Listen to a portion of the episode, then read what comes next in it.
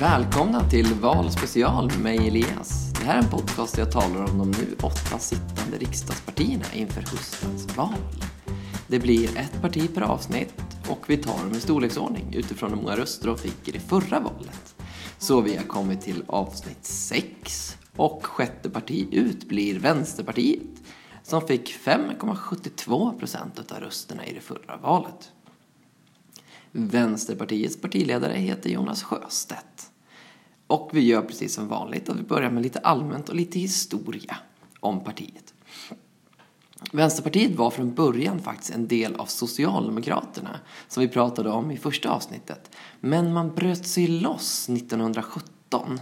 Man var ett uttalat kommunistiskt parti och styrdes ett tag av det sovjetiska kommunistpartiet. Det betyder att man låg väldigt, väldigt långt ut på vänsterkanten. Och det hör man ju på namnet också. Vänsterpartiet var också det enda parti som inte var med i samlingsregeringen under andra världskriget. De partier som var med var Socialdemokraterna, Centerpartiet, Liberalerna och Moderaterna. 1990 bytte man dock namn från Vänsterpartiet kommunisterna till att bara heta Vänsterpartiet. Idag så ligger partiet lite till vänster om Socialdemokraterna men är allt som oftast en form av stödparti åt Socialdemokraterna. Man vill gärna höja skatter och ge mer åt den offentliga sektorn. Och om vi pratar om hjärtefrågor så pratar man väldigt ofta om Vänsterpartiets hjärtefråga som är att alla ska ha samma värde i samhället. Vänsterpartiet vill skapa ett samhälle som är baserat på en socialistisk och feministisk grund. Det betyder att man vill att alla människor ska räknas som lika värda och man ska hjälpa varandra. Man vill ha en stor offentlig sektor. Det betyder att man vill att staten ska sköta om sjukhus och pensioner och skolor. Eh, bland annat. Och för att ha råd med det här så vill man ha höga skatter och framför allt höga skatter för de som tjänar mycket och för de stora företagen.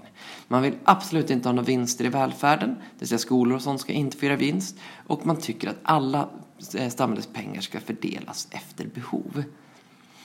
Vänsterpartiet sammanfattar sin politik på ett sätt att man vill förverkliga, alltså man vill skapa ett samhälle som är grundat på demokrati, jämlikhet, solidaritet ett samhälle som är befriat från förtryck som är relaterat till kön, klass eller etnicitet, alltså beroende på vad man har för kön, eller hur mycket pengar man har, eller var man kommer ifrån. Ett samhälle där både män och kvinnor kan bygga sin egen framtid i frihet och i samverkan. Att vi ska bygga det här samhället tillsammans.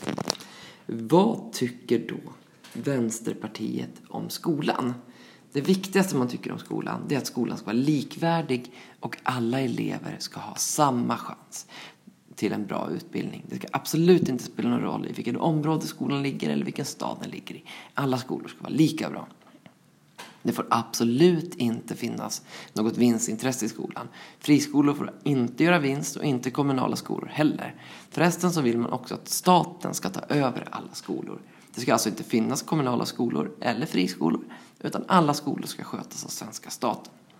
Man är också väldigt noga med att påtala att man vill att lärarnas arbetssituation måste förbättras.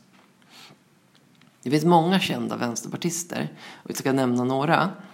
Eh, vänsterparti, några kända vänsterpartister är Gudrun Schyman exempelvis, som är Vänsterpartiets första kvinnliga partiledare och hittills enda kvinnliga partiledare. Hon är idag partiledare för ett annat parti som heter Feministiskt initiativ. Sen hade man Lars Werner som var partiledare väldigt länge.